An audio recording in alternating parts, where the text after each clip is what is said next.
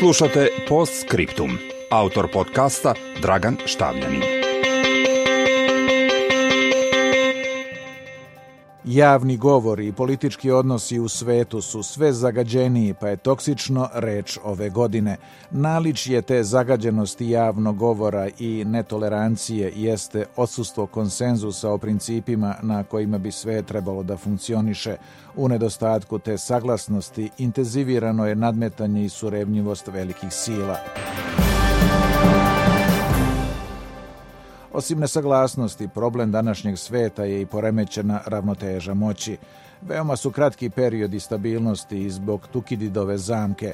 Naime, ovaj slavni starogrčki istoričar je dalekovido zaključio da je rast moći Atine te strah koji je to izazvalo u Sparti učinio rat neizbežnim. Gubljenje iz vida da živimo u svetu velike međuzavisnosti u kome su mir i prosperitet mogući samo ako se poštuju pravila po kojima svi dobijaju može imati katastrofalne posljedice.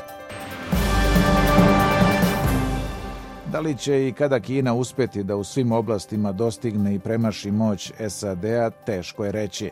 Međutim, taj prelazni period će svakako karakterisati napeta koegzistencija i primirje, pa i sukobi, jer su interesi dve zemlje protivrečni u gotovo svim oblastima – Razlike u ideologiji i sukobljeni interesi onemogućit će Peking i Washington da predvode svet zajedno, a neće imati dovoljne ekonomske ili vojne moći da to čine sami, ističe kineski profesor Yan Si-dong.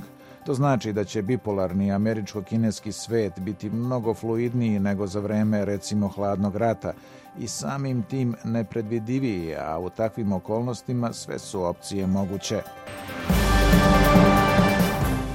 Protest žutih prsluka u Francuskoj je lakmus te stanja, pre svega sposobnosti Evropske unije da izađe na kraj sa problemima sa kojima se suočava. U tipičnom maniru predsjednika bogatih, Emmanuel Macron kao da je zaboravio kako se njegove mere odražavaju na obične ljude, pre svega na ruralno stanovništvo koje se osjeća zapostavljenim.